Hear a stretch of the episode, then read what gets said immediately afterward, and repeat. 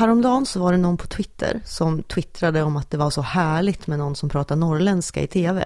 Mm. Och fick svaret, ja det är en så underbar dialekt. Och så fick jag så här sätta mig på händerna för att inte ställa frågan, vilken dialekt då? Ja. Du vet, för att, Ja. vadå norrländska? Vilken Ja. norrländska? Ja. Tänk att du blir indignerad över Ja, men en jag sån sak. blir jätteindignerad över det. Men jag har slutat påpeka det. Och vet du varför? Nej. Därför att jag är ju precis lika jävla dålig på att skilja på götaländska dialekter. Mhm. Som, Mm. som de är på att skilja på norrländska dialekter. Ja.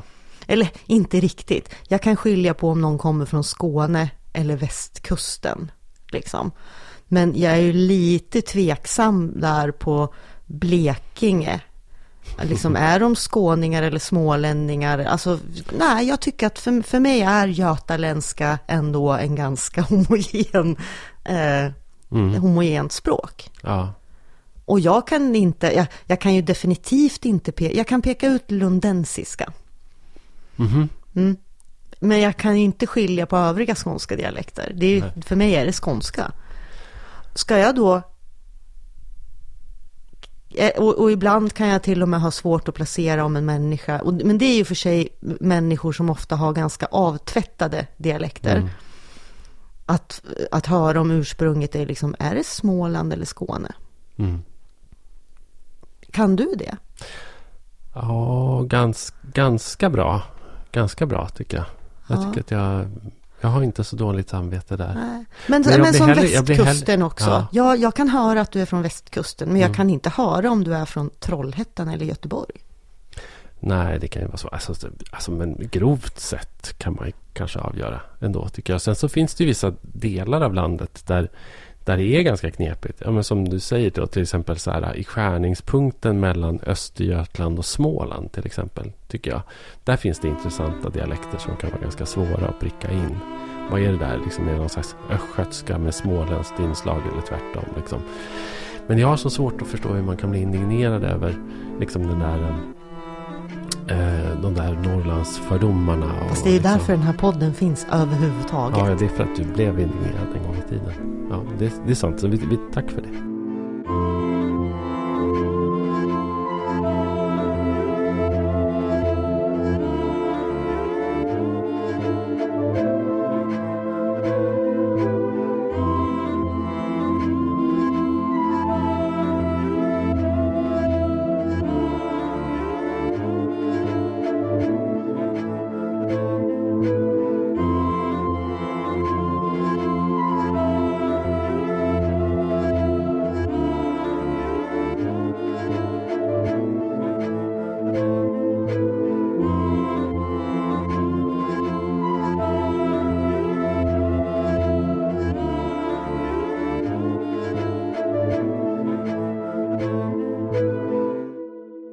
Ja, nu har vi kommit till eh, avsnitt eh, 49 Mm. av Norrlandspodden. Det är bra jobbat. Vi jobbar oss framåt Ja, i den här podden. Hej Sofia.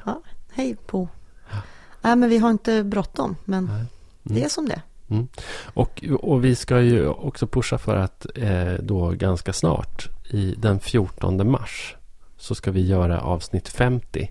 Det är ju ändå lite stort, 50-programsjubileum. Ja, vi ska fira lite helt Ja, enkelt. och också femårsjubileum, för det är typ fem år sedan som vi drog igång podden. Mm. Och det ska vi göra på eh, Gotthardts i Umeå eh, under den här Littfestveckan. Fast det här är ett det här ingår i Det är ett någonting som heter sidan- ja, Bokveckan Precis, arrangemang. men det är i anslutning till Littfest.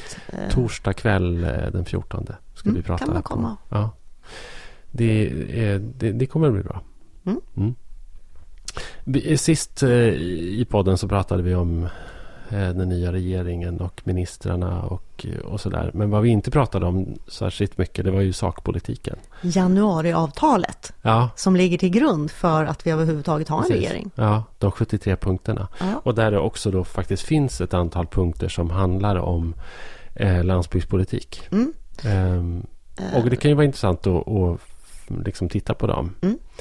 Alltså vi har ju nött, vi gjorde ju ett, typ ett specialavsnitt om, om landsbygdsutredningen. Eh, när det var, den kom, det var typ ett och ett halvt år sedan. Ja, och sen när propositionen eh, så pratade vi ganska mycket om det också. Det är väl ett ja, år sedan. Ja, Mm. precis. Och vi gick igenom alla förslag och sånt där. Mm. Och sen så är det ju ganska få som har genomförts. Och det är ju inte riktigt de som återkommer här i den här överenskommelsen Men sen heller. är det väl kanske inte våra favoritförslag som har eh, Nej. Det vi gillade i landsbygdsutredningen har det ju varit väldigt tyst om. Ja, så är det ju. Absolut. Mm. Och det här är ju också på något sätt ganska allmänna. Det står liksom så här. Eh, det här är ju då eh, ett, ett segment i den här överenskommelsen som heter Hela landet ska växa.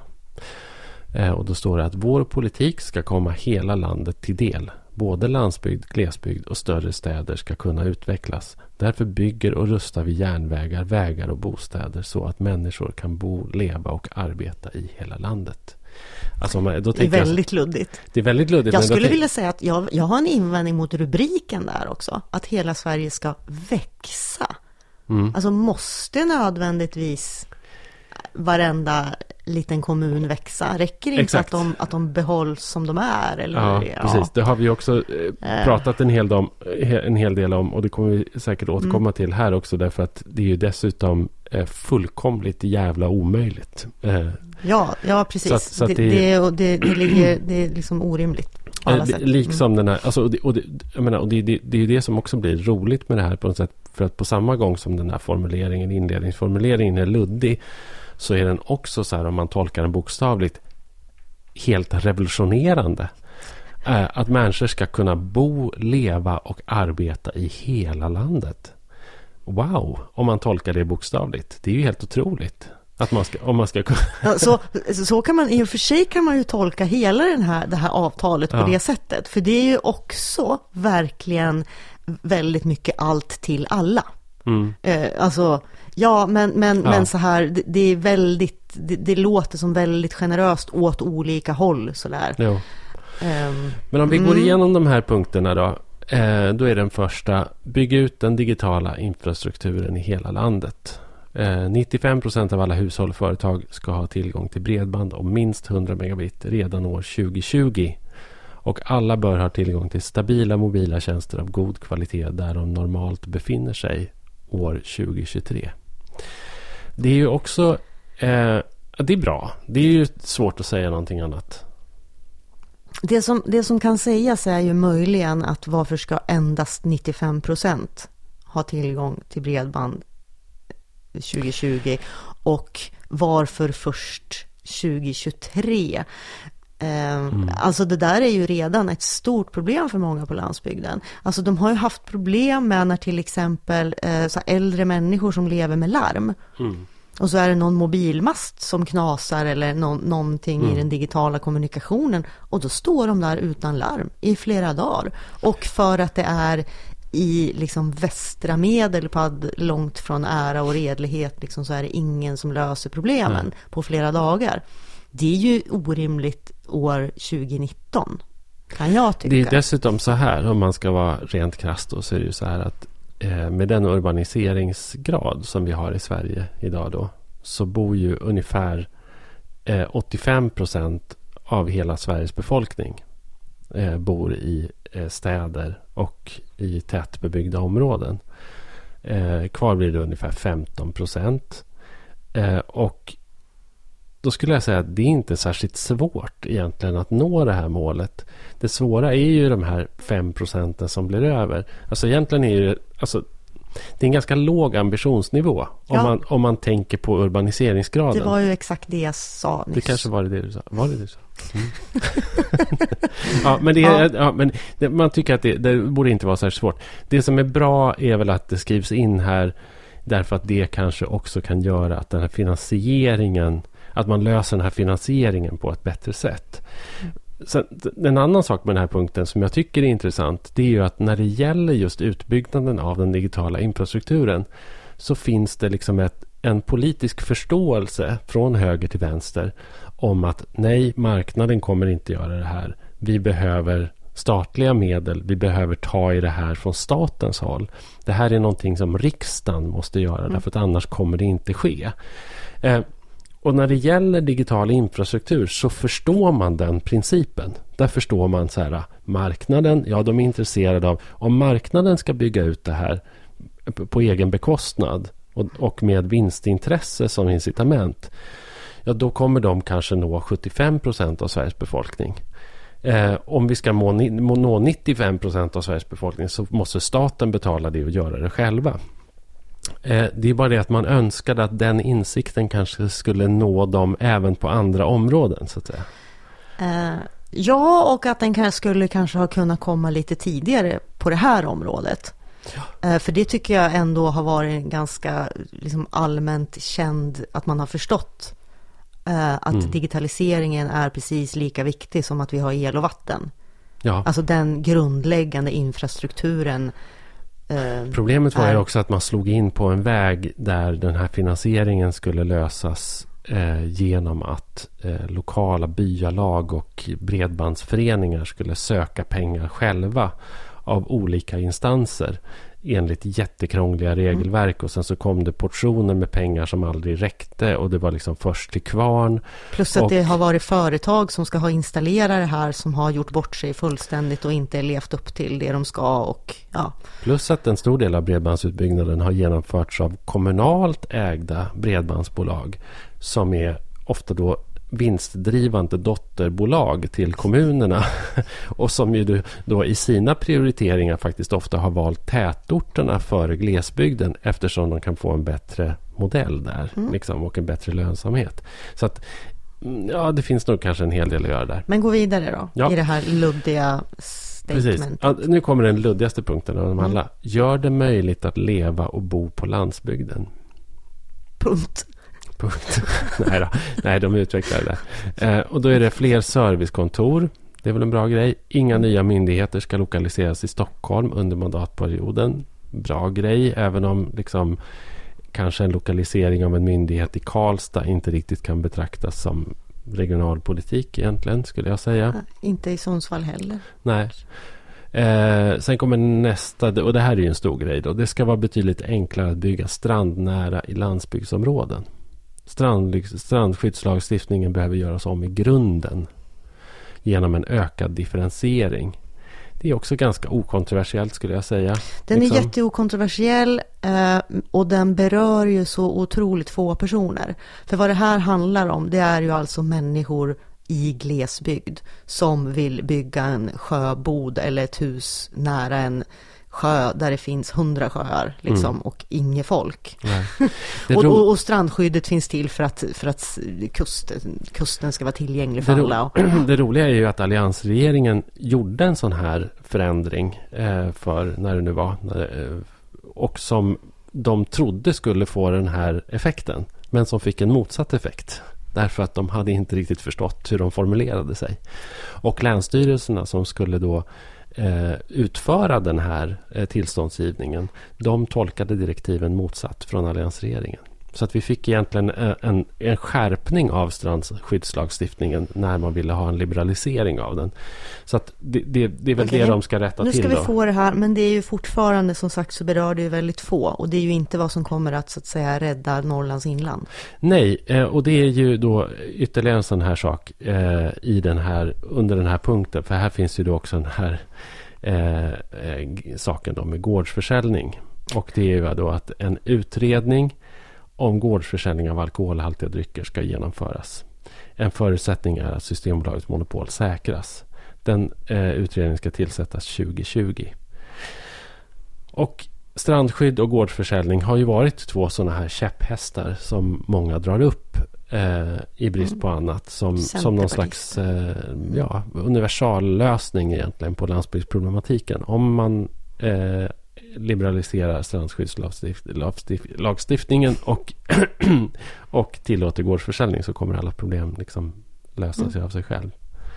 Eh, så det, det är väl... Eh, ja, jag vet inte. Ja, nej, alltså nej, det, det de, de utvecklar det här. Det ska vara enklare att få bygga strandnära och skapas bättre förutsättningar för bostäder och näringsverksamhet. Främst för småföretagare, besöksnäring och gröna näringar i områden med lågt, lågt exploateringstryck.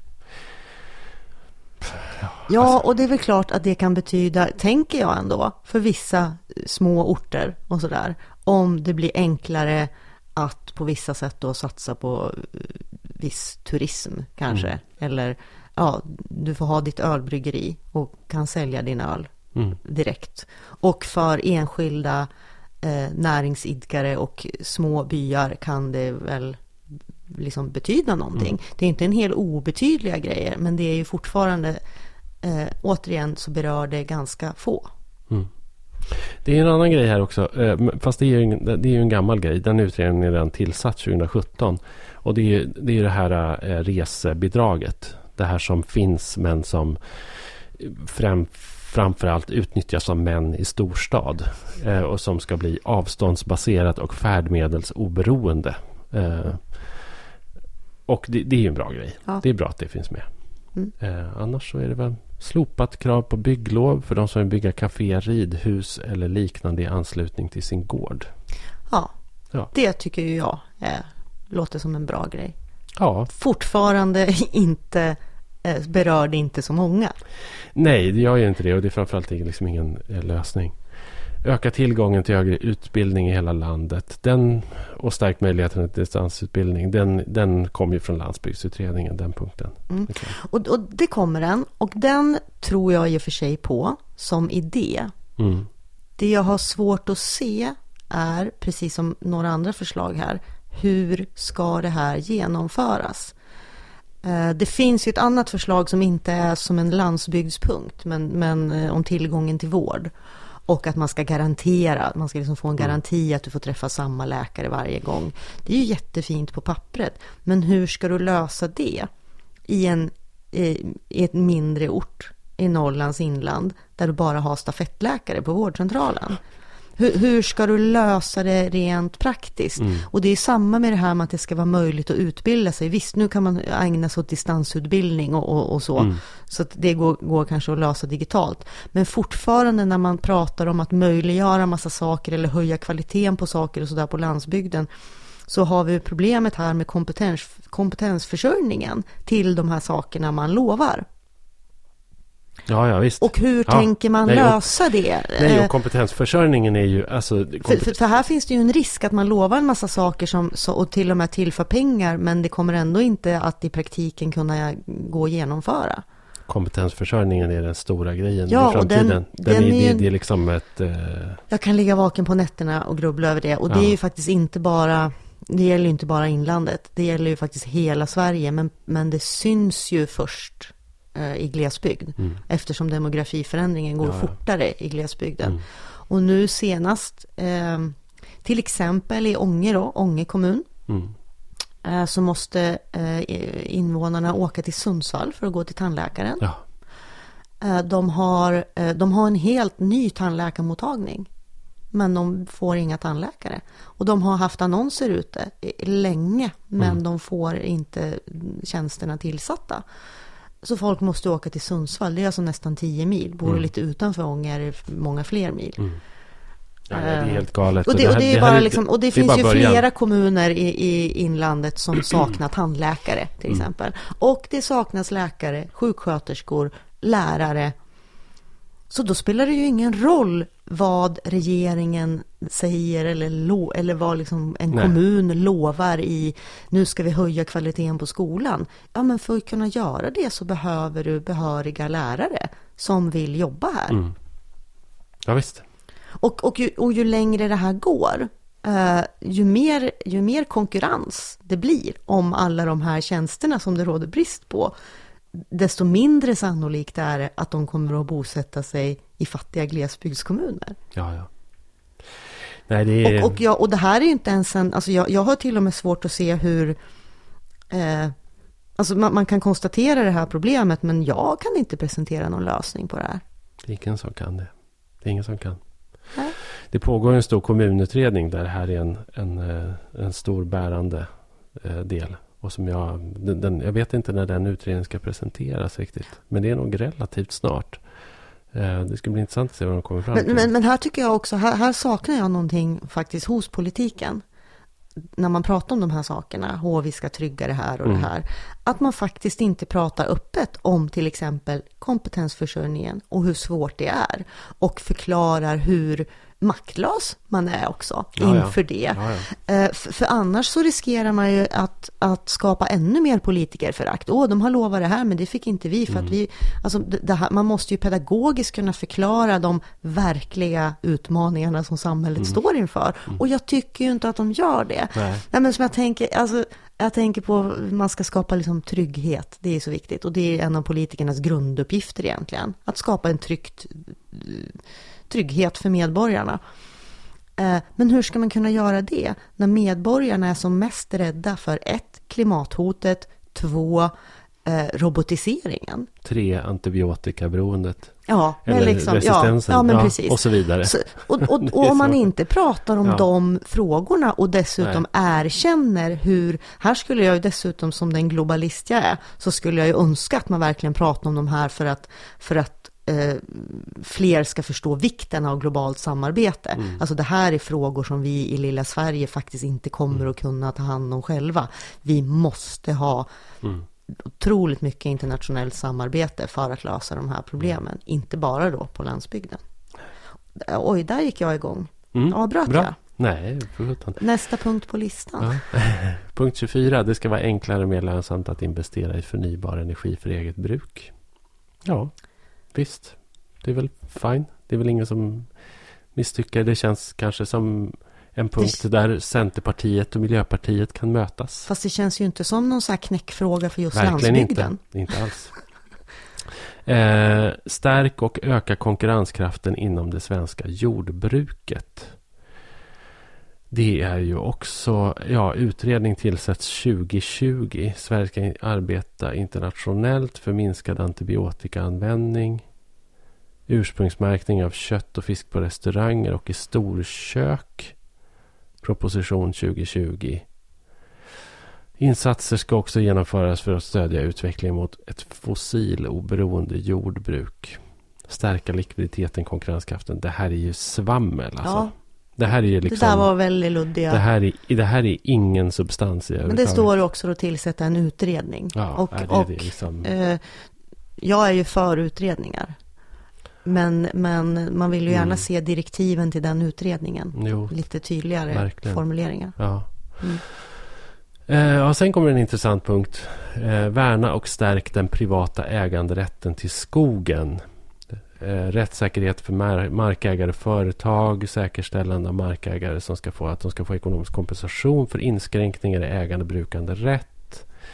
Eh, anslag för ersättningar för skyddad mark ska vara tillräckliga. Nationella skogsprogram ska utvecklas för att ytterligare främja en växande skogsnäring och ett hållbart skogsbruk. Eh, det ska bygga på skogsvårdslagens två mål om produktion och miljöhänsyn. Det gör ju Men- ingen Men, skogspolitik. men, det här är ju, men det här är ju, vad, vad pratade vi om? Vi pratade om att allas, man ska kunna leva och bo och Mm, arbeta ja. i hela Sverige. ja, ja, visst. Det här är ju nonsens utifrån det. Om, om, vi bara, om vi bortser från alla de där formuleringarna du just läste upp, men Mm. skogen är ju ett typexempel på, om vi nu ska prata skogsindustri också, och en sån industri där du behöver färre och färre människor som arbetar. mm, Eh, och eh, ja, så finns det några människor som äger skog Mm. i och för sig då. Privatpersoner. Privat, ja, pre, pre, precis. de lyfts ju ständigt fram. Alltså, det, det är ju Mm. alltid så. Men att det- när, det, de- när, det, när det liksom diskuteras den här Mm. frågan så är det ju på något sätt alltid den lilla skogsägaren som man lyfter fram. Fast den, jag menar, hälften av all svensk skog ägs ju av stora bolag. Mm. Och allt mindre liksom då privatägd skog ägs ju av människor på orten. Och det är ju dessutom då om man eh, skalar ner det ytterligare så är det ju ett extremt litet fåtal av dem som praktiskt arbetar med sin egen skog. Utan då har man ju i regel lagt ut förvaltningen av den skogen på en skogsägarförening eller på ett bolag som Mm. sköter om det. Så att Det är, ju ägandefrågan... ingenting, nej, det är ju ingenting som på något sätt förenklar att leva på landsbygden. Det har ju ingenting med det, Det är att ju göra. ett särintresse och det särintresset eh, är ju eh, hårdbevakat kan man ju säga av Centerpartiet. Eh, Mm. De står ju för det. Alltså Centerpartiet ska man ju komma ihåg är ju ett parti eh, på landsbygden är ju det ett parti för ägande. Det är ju ett parti Ja. som samlar människor som äger jord och skog på landsbygden. Och det är ju de som också röstar på det här partiet. Och det, det partiet för fram deras idéer. Och det är ju, det är ju fine. Liksom.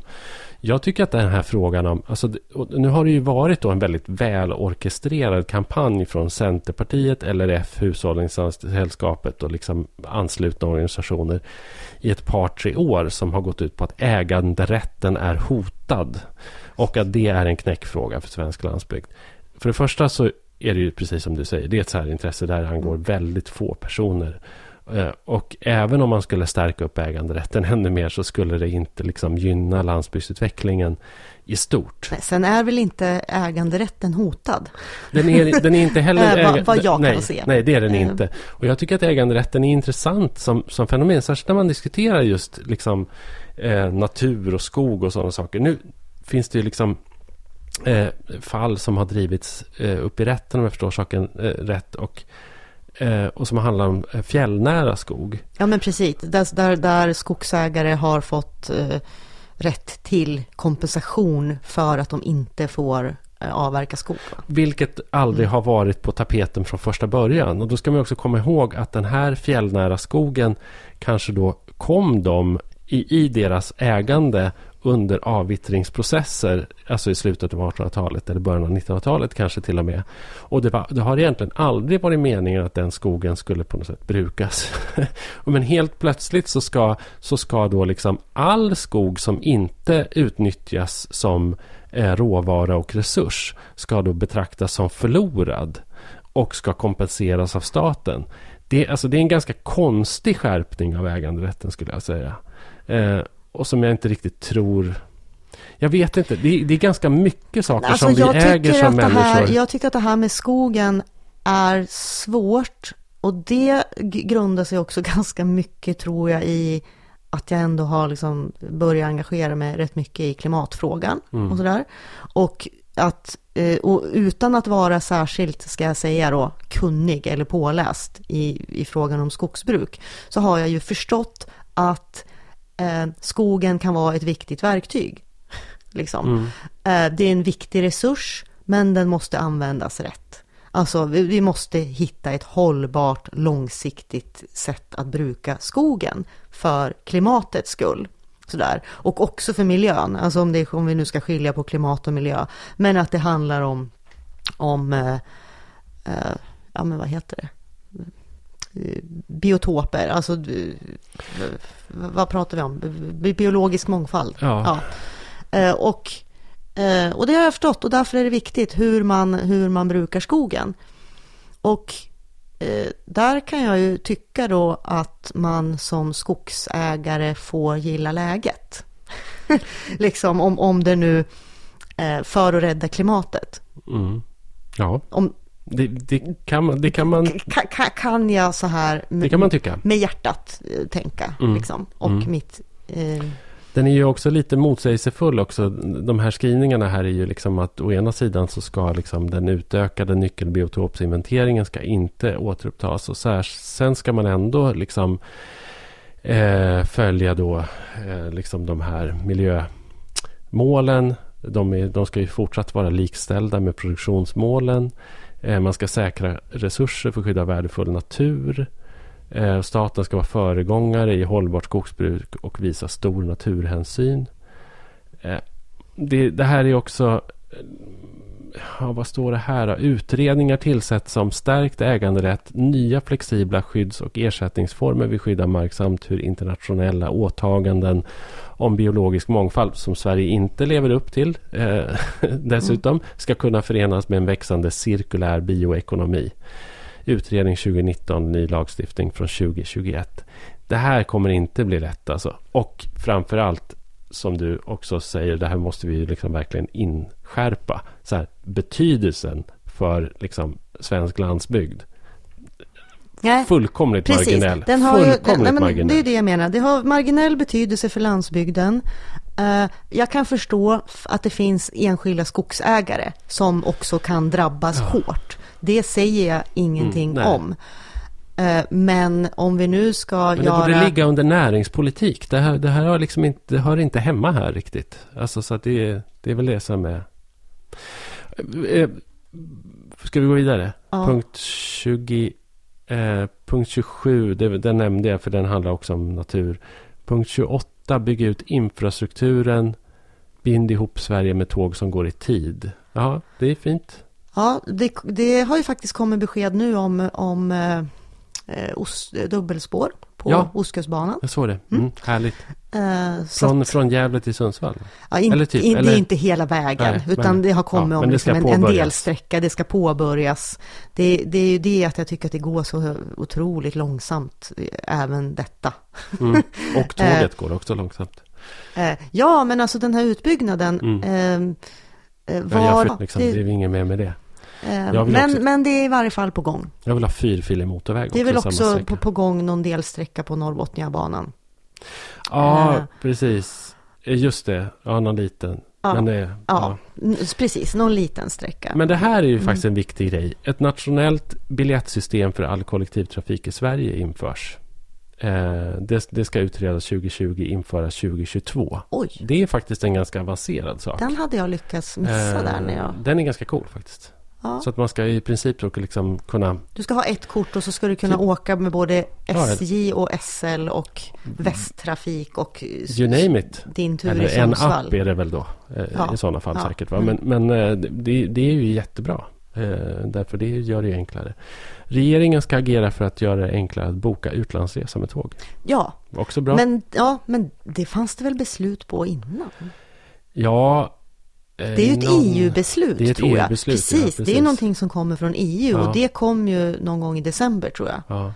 Men sen eh, ska Trafikverket ge sig i uppdrag att upphandla nattåg med dagliga avgångar till flera europeiska städer. Mm. Också bra grej. Det tycker jag är jättebra. Och så ska det bli ökad punktlighet för svensk järnväg. Det är väl också trevligt, men... Sen, men, sen är ju frågan då, eh, nattåg till europeiska städer mm. från Malmö. Ja. Jag är osäker på riktigt hur det gynnar Norrlands inland. Ja, och det, det, ja, och det är ju giltigt för många av de här det punkterna ju, det kan är man säga. Bra, det, är, så att säga, det är jättebra punkter mm. i det här programmet eh, ja. för, för många och för klimat och allt möjligt. Men det är ju ingenting som räddar Norrland. Nej, Nej, det är det verkligen inte. Inte ökad punktlighet för svensk järnväg. Ost, Ostkustbanan och Norrbotniabanan är ju bra. Mm. Jo, precis. Om uh. det nu blir av. Men det, är ju också ett flummigt liksom. Men om man tittar på de här punkterna. Det var den sista. Sen, sen, eh, sen var det ingen mer landsbygd. Sen var, sen var det inte så mycket mer landsbygd. Och jag tycker att eh, eh Charlotta Melander som vi har nämnt i podden mm. tidigare och som är professor i nationalekonomi i, i Jönköping på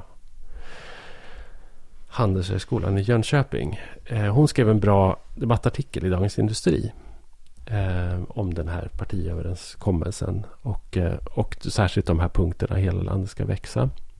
Och jag tycker att hon eh, satte liksom verkligen punkten på det som är intressant.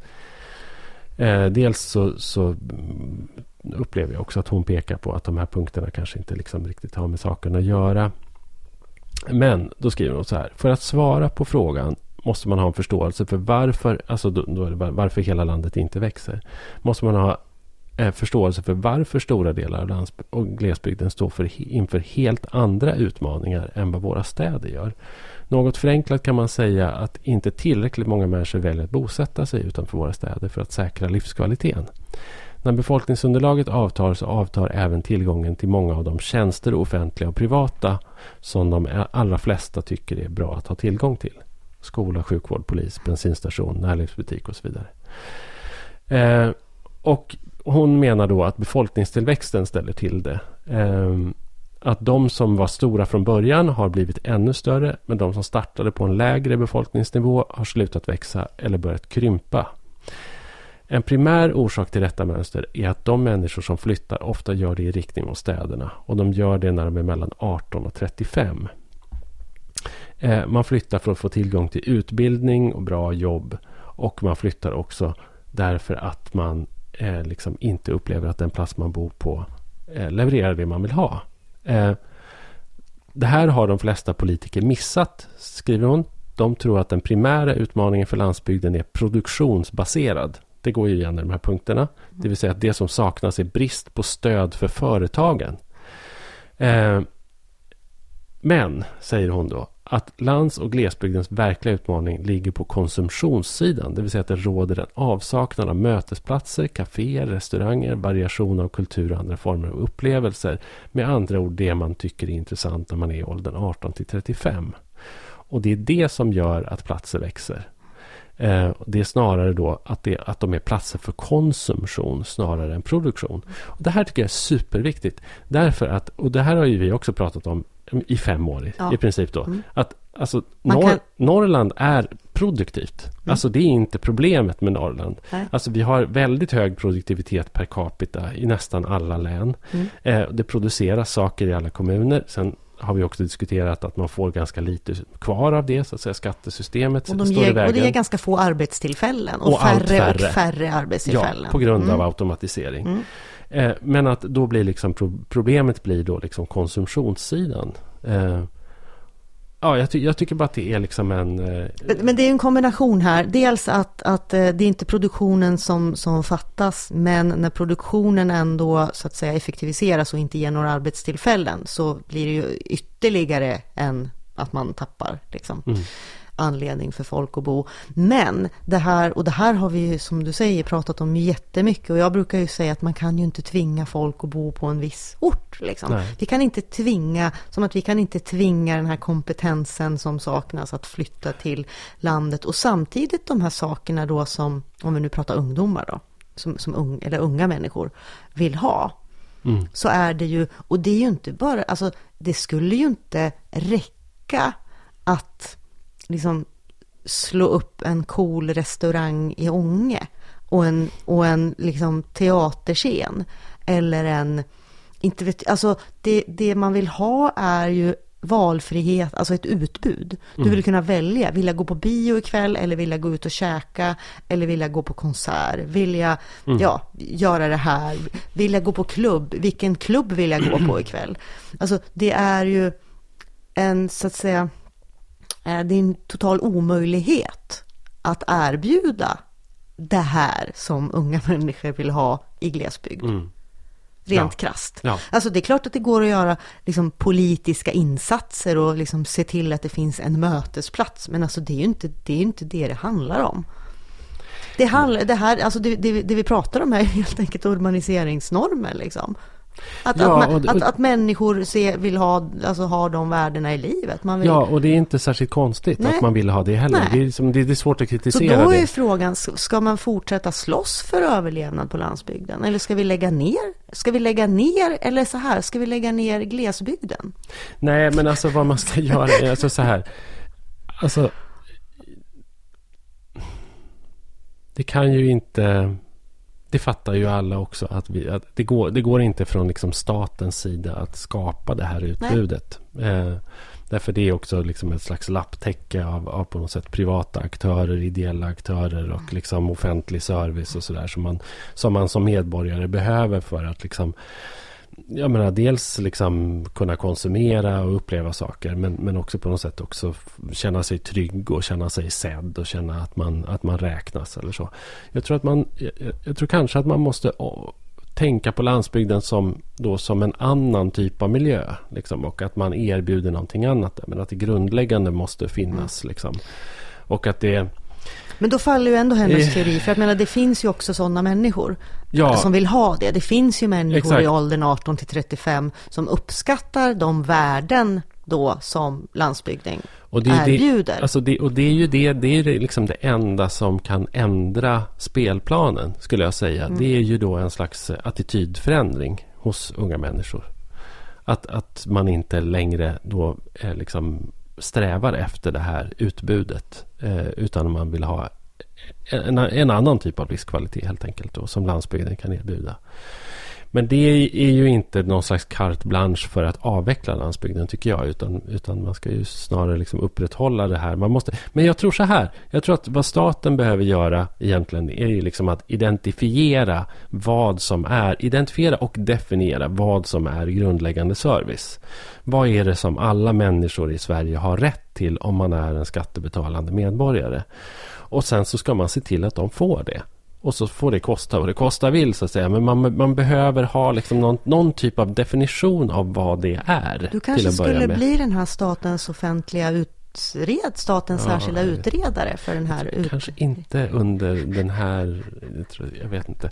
Men jag, tycker, jag tycker att hon... Jag tycker verkligen att hon... Jag tycker att hon har... Eh, hon får in en bra poäng och jag tycker att det är eh, liksom hisnande att andra inte säger de här sakerna som hon säger. Eller jag menar, du och jag säger dem ju, men jag tycker inte det sägs i debatten. Och jag tycker att det liksom också pekar ju på hur verklighetsfrånvänd den här så kallade landsbygdspolitiken i det här 73 på vad, vad vi har är. som plötsligt slog mig och som jag känner att man möjligen, alltså så här om man ska hitta ett litet halmstrå och liksom rycka tag i här. Det är ju det här som har sagts och undersökningar som har gjorts Nämndes inte det också i ditt tv-program för övrigt? Nämligen det här hur många små kommuner kämpar för att få folk att flytta hem igen. Mm du ska få, när de har gått sin utbildning och sådär och ska skaffa barn, då ska de komma hem till hemkommunen. Mm. Samtidigt som de inte värdesätter de som aldrig har flyttat därifrån. Ja. Eh, där tror jag också att vi har en nyckel. Att faktiskt oh ja. eh, satsa på de här unga människorna som bor kvar. Ja. Och, och fråga dem. vad mm. de vill ha. Ja. Lyft dem, ge, ska, liksom ge dem förutsättningar. Fråga vad, vill, mm. vad behöver du för att kunna göra det du vill och fortsätta trivas här och ja. inte flytta härifrån. Ja, för där kan man ju verkligen snacka urban norm. För att det är ju på något sätt som att de de, men det här är ju de ses man... inte som uh, riktiga lönsamma, Nej, fastän vettiga. De är ju det. Därför att de strävar inte efter den där nivån av konsumtion som de som flyttar gör. Och, och då... det är ju den bästa resurs landsbygden har. Ja, det är ju de här som faktiskt vill vara kvar. Ja, jag tycker det, jag tycker det, det, det tycker jag man kan mm. Eh, försöka lyfta också i den här mm. diskussionen. Ja. Sen snubblade jag över en, en svinbra eh, artikel i New York Times. Eh, som publicerades. Nu ska jag försöka se när den publicerades. Men jag, jag tror det var någon gång före jul. Eh, och om man vill söka efter den så kan man googla. Den, het, den är skriven av en Eduardo Porter. Eh, och eh, den heter The Hard Truth of trying to save the rural economy. Eh, jag tycker att den är väldigt bra för den är skriven av en ekonomijournalist. Och det här, det här är också intressant. För i USA så finns det nu ett fokus på, liksom, på, de amerika, på den amerikanska landsbygden. Och det finns ju ett politiskt incitament för det intresset hos både höger och vänster. Mm. Alltså Trump har ju verkligen lovat landsbygdsbefolkningen att de ska få det jätte, jättebra. det är ju hans väljare. Ja, det är ju hans väljare. Mm. Så att han har ju lovat dem en massa saker som han inte kommer kunna leverera. Det är fullkomligt uppenbart. Men Demokraterna har ju också ett intresse i landsbygden. Därför att de vill ju inte förlora ännu mera väljare. Och de vill ju på något sätt också lösa den här, vad ska vi säga, de vill erbjuda det som Trump inte kan ge dessa människor. Ja, precis. Men frågan är vad man kan erbjuda dem. Och det är det som den här ekonomijournalisten då, eh, Eduardo Porter, det är det som han försöker liksom kolla på. Eh, och det är ganska faktatungt och det är jätteintressanta grafer som visar liksom på hur eh, liksom snittinkomsten eh, med, medelåldern. Allt, allting, talar för, eh, allting talar för städerna och mot landsbygden. Och så försöker han bena i det här. Och jag tycker att han gör det på ett jättebra sätt. Och det han kommer fram till är, är ju att den här frågan är nästan olöslig. Därför att allting handlar om agglomeration. Och, eh, och det skulle egentligen inte spela någon roll om man ger stora amerikanska företag. Eh, liksom, om man skulle ge Amazon till exempel x antal miljarder dollar för att etablera sig på andra platser än, än, i de här storstäderna så kommer de inte göra det ändå. Och det finns inte kompetens där. Och då så, så landar han i liksom väldigt uppgivet eh, liksom i att eh, någon slags slutsats där så här, ja men okej, men vi kanske ska avveckla de här ytorna då. Och det här handlar ju ändå om ganska många miljoner amerikaner mm. som det här handlar om. Eh, och då kanske de ska flytta till städerna istället. Fast då är ju motsatt problem och det är att, att de har inte råd att bo i städerna. Och det är liksom så här därför att arbetsmarknaden kan inte hantera de här personerna och betala dem tillräckligt mycket för att de ska vara där. Så att vad, vi hand, vad det handlar om är ju inte då bara en massa ytor som går till spillo. Utan det handlar ju också om, då om en väldig massa människor som har blivit mm. alltså helt... Men, men, men det där eh, kan vi ju översätta också till Sverige. Alltså att det är på väg eh. Det är väldigt dyrt att bosätta sig i en storstad idag. Mm. Det är nästan till omöjligt om du inte har en väldigt hög inkomst, eh, helst är gift eller sambo och Mm. eh, nej, det, det blir väl jätte, jättestora och många utkantsområden då, utanför de här städerna, Ja, där dit människor flyttar. ja, det, är, det, är, ja det här är. Nu, nu vart det jobbigt. Ja, nu vart det jobbigt. Ja. Jag tycker att det är... Jag tycker det, när jag läste den här så kände jag... Då var det lite som att luften gick ur mig måste jag säga. Mm. För att jag tycker att det liksom är... Ja men det är ju Det är också det, här, det här är också en, en sån här, eh, pre, alltså precis som så mycket annat, det är ju en stor, eh, liksom lite osynlig rörelse som, Mm, som går av sig själv. Ehm, mm. Han avslöjar... Eller han, av, han avslutar med så här... The distress of 50 million Americans should concern everyone.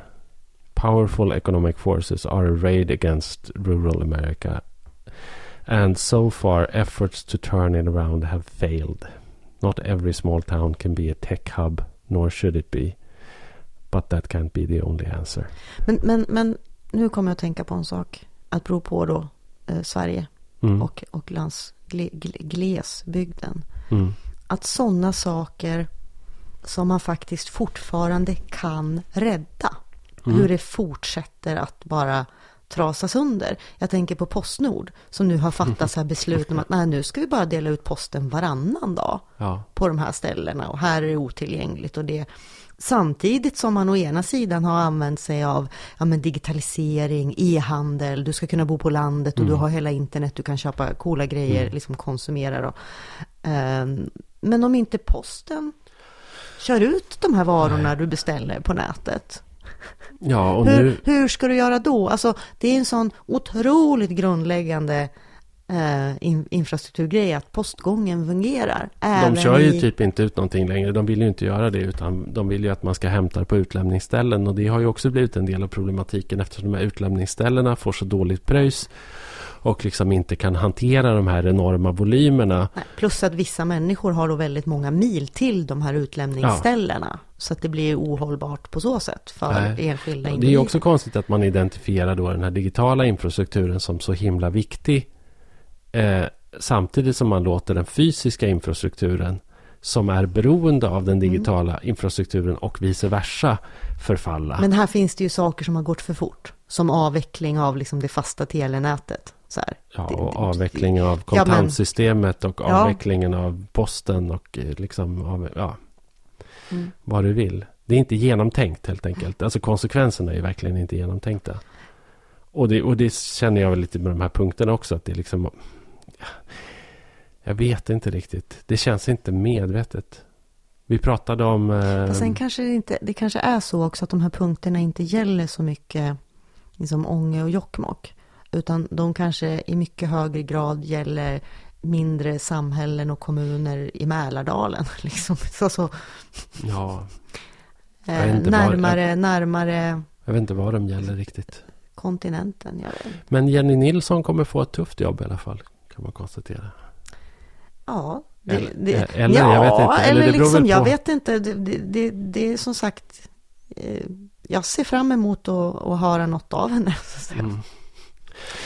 Men det, det man landar i lite grann alltså som någon slags avslutande fråga är ju då på något sätt det här eh, som man st- ständigt pratar om. Spelar det egentligen någon som helst roll vilken regering vi har? Alltså för landsbygden och för Norrlands del? Eh, Liksom. Nej, det tror jag inte. Nej, Alltså, nej, jag tror inte att, nej, nej det, och det kan vi väl ändå konstatera efter de här åren. Och vi har ju även blickat tillbaka till när hur vi- det såg ut, jag menar fem år innan vi började podda och sådär. ja, när vi det började inte- så var det en alliansregering som då hade suttit i sju år. Precis. Och nu har vi haft Haft en- fyra år av en, en Mm. SMP-regering. Mm. Och där Annie Lööf Men- hela men tiden här- Mm. har skylt eh, liksom landsbygdens situation på de här senaste fyra åren. Precis. Och, då- men, men, här tror jag helt enkelt att haken är ju det som vi redan har varit inne på här nu. Eh, att de knäckfrågorna för landsbygden är, eh, kan politikerna ändå inte lösa. Alltså, kan, nej, men de de stora, svå, alltså det här, ja men de här 18-35 18-35-åringarna som inte vill bo på landsbygden. Det är ju inte, ett, det är inte någonting som politiken kan göra så Nej, mycket åt. nej. Det är det jag menar, att, att man kan göra åtgärder och, och sätta in och det- stöd och, ja. allt möjligt Och sådär. Men nu, ja, precis. Och men- nu skulle jag säga så här. Ja, men, men tänk på Norge då. Som, som alla säger alltid när jag föreläser. Ja, men Norge Ah. då. Och, och, det är ju, och, det är ju, och det är ju så också så att alltså, i, i norsk landsbygdspolitik skiljer sig från svensk på det sättet att där har de ju faktiskt gjort det här. Man har identifierat eh, en slags grundnivå av, av välfärd som varje kommun ska erbjuda sina medborgare. Och sen så ser man till att bekosta det. det, det där är vi liksom inte riktigt i Sverige. Men även om den svenska staten skulle göra en sån reform, ganska omfattande, så skulle det ju ändå inte finnas kompetens som Nej. skulle finnas ute i landet och, och liksom tillgodose att medborgarna fick det där. nej, precis. Eh, Men, men, men eh, apropå det, så det ingår ju också faktiskt i, i de här punkterna. mm. Ökade stöd till kommuner och landsting. Ökat statligt stöd. Ja, precis. Det som, M, Riktade det som stöd och- MKD drog undan Ja. med sin budget. Ja, precis. Men hör du, eh, Mm. ehm, ska vi, vi, vi gör så här att, att ehm, vi, ses i, vi ses då i Umeå nästa gång. Eh, Ja, 14. och är, är det så att någon som lyssnar har önskemål om, om ämnen eller frågor eller vad som helst som Mm. ni vill att vi ska ta upp där så hojta Mm. på Facebook. Men jag tänker att vi också kan ta tillfället i akt och prata lite sådär. Vad har hänt de här senaste fem åren? Ja, precis. Men det kanske är någonting ni vilken vill betydelse- påminna oss om. Ja, precis. Vilken betydelse har vi haft för Norrland? Norrlandspodden? Ja. Ja, men det kanske är något viktigt som har hänt under de här fem åren som vi inte har tänkt på. Ja, Upplys oss. ja, det, ja, precis. Det kanske alltid kan bli mycket bättre. Gapminder. Ehm, bra, Vi säger så. tack.